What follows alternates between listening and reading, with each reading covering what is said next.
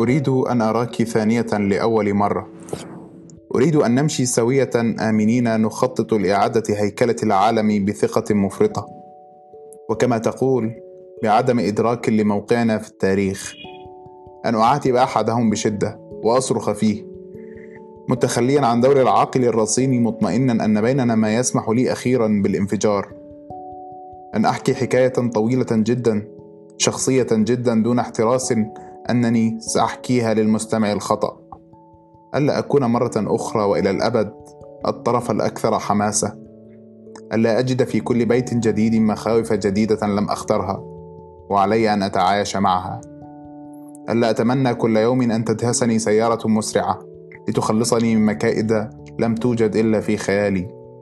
أن أعبر عن رأيي بحماسة من يظن أن رأيه سيعني شيئا ما أن ينفتح لي عالم غريب حين أقرأ صدفة كتابا ما وأن تؤنسني قصيدة وأتماهى مع بطل رواية وأكتشف فيلسوفا يقنعني لفترة ما أنه نجح في تفسير العالم فعلا وأن أتعجب بعدها. كيف خال علي هذا الكلام الأحمق؟ ألا أصيغ مشاعري كنكتة لأمرر حميمية سترفض إن سترفض إن أعلنت عن نفسها صراحة؟ ألا يدفعني انعدام الجدوى لعقلنة القبح والاستغلال والشرمطة وألا أضبط نفسي متسامحا مع قسوة موجهة إلي ألا تمتد يدي إلى يد ستنسحب بهدوء وألا يتجمد وجه حين أمرر يداي عليه. أن تتلو علي قصيدة مراهقة جدا بفخر في لقائنا الأول في ميكروباص وأن أسمع صوتك فرحا وجسورا وثقيلا للمرة الأولى حتى أهم أن أقبله. أن تقولي لي في موعدنا الأول نكتة بذيئة جدا حتى أشعر بالخجل في تبادل غريب للأدوار. ألا تنفجر قنبلة حب أحدنا للآخر بينما نحن على وشك عبور حقل ألغام صداقتنا. وألا تكون تلك القنبلة أبدا حبك لي. وأن لا يكون حبي لأخرى هاوية تحاول جاهدة أن تدور بي حولها. ألا أعجز عن مساعدة أحد وعدته بالمساعدة.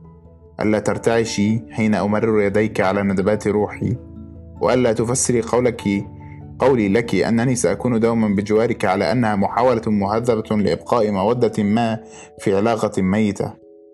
وألا تعمد الخطأ في تأويل رفضك لي على أنها محاولة لتخفيف الاندفاع وليس قطع الطريق.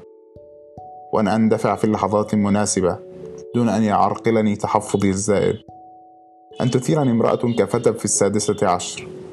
ويخدعني أمل كطفل غر وأتكلم بصوت عال دون أتلفت مع كل جملة. ألا يصير كل ما أحبه بعيدا جدا حتى تصير أحلامي كأحلام الأطفال. وجبة خالية دسمة لواقع شره وصائم. وأن أنسحب حين أكاد أسقط دون أن يدفعني شعوري بالمسؤولية للاستمرار حتى أنسحق تماما.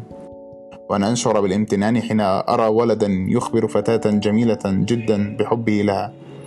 لأنه على أحدهم أن يفعل وأن أرى شيئا جميلا جدا حتى أشعر أنه لن يفوتني أي شيء حين أموت. وأريد قبل موتي أن أكتب شيئا ذكيا وجميلا جدا. ليس لمراوغة الموت بمحاولة الخلود الأدبي ولا لتمرير وهم حكمة ما إلى القادمين بل للدفاع عما سيصير ماضيا. أننا لم نرحل لقلة في الذكاء أو لنقص في القدرة على استيعاب الجمال. كانت لعبة غير عادلة. وليس بوسعنا هزيمتها إلا على المدى الطويل جدا. أن تكون أشباحنا أكثر ألفة وطمأنينة من أطلالها.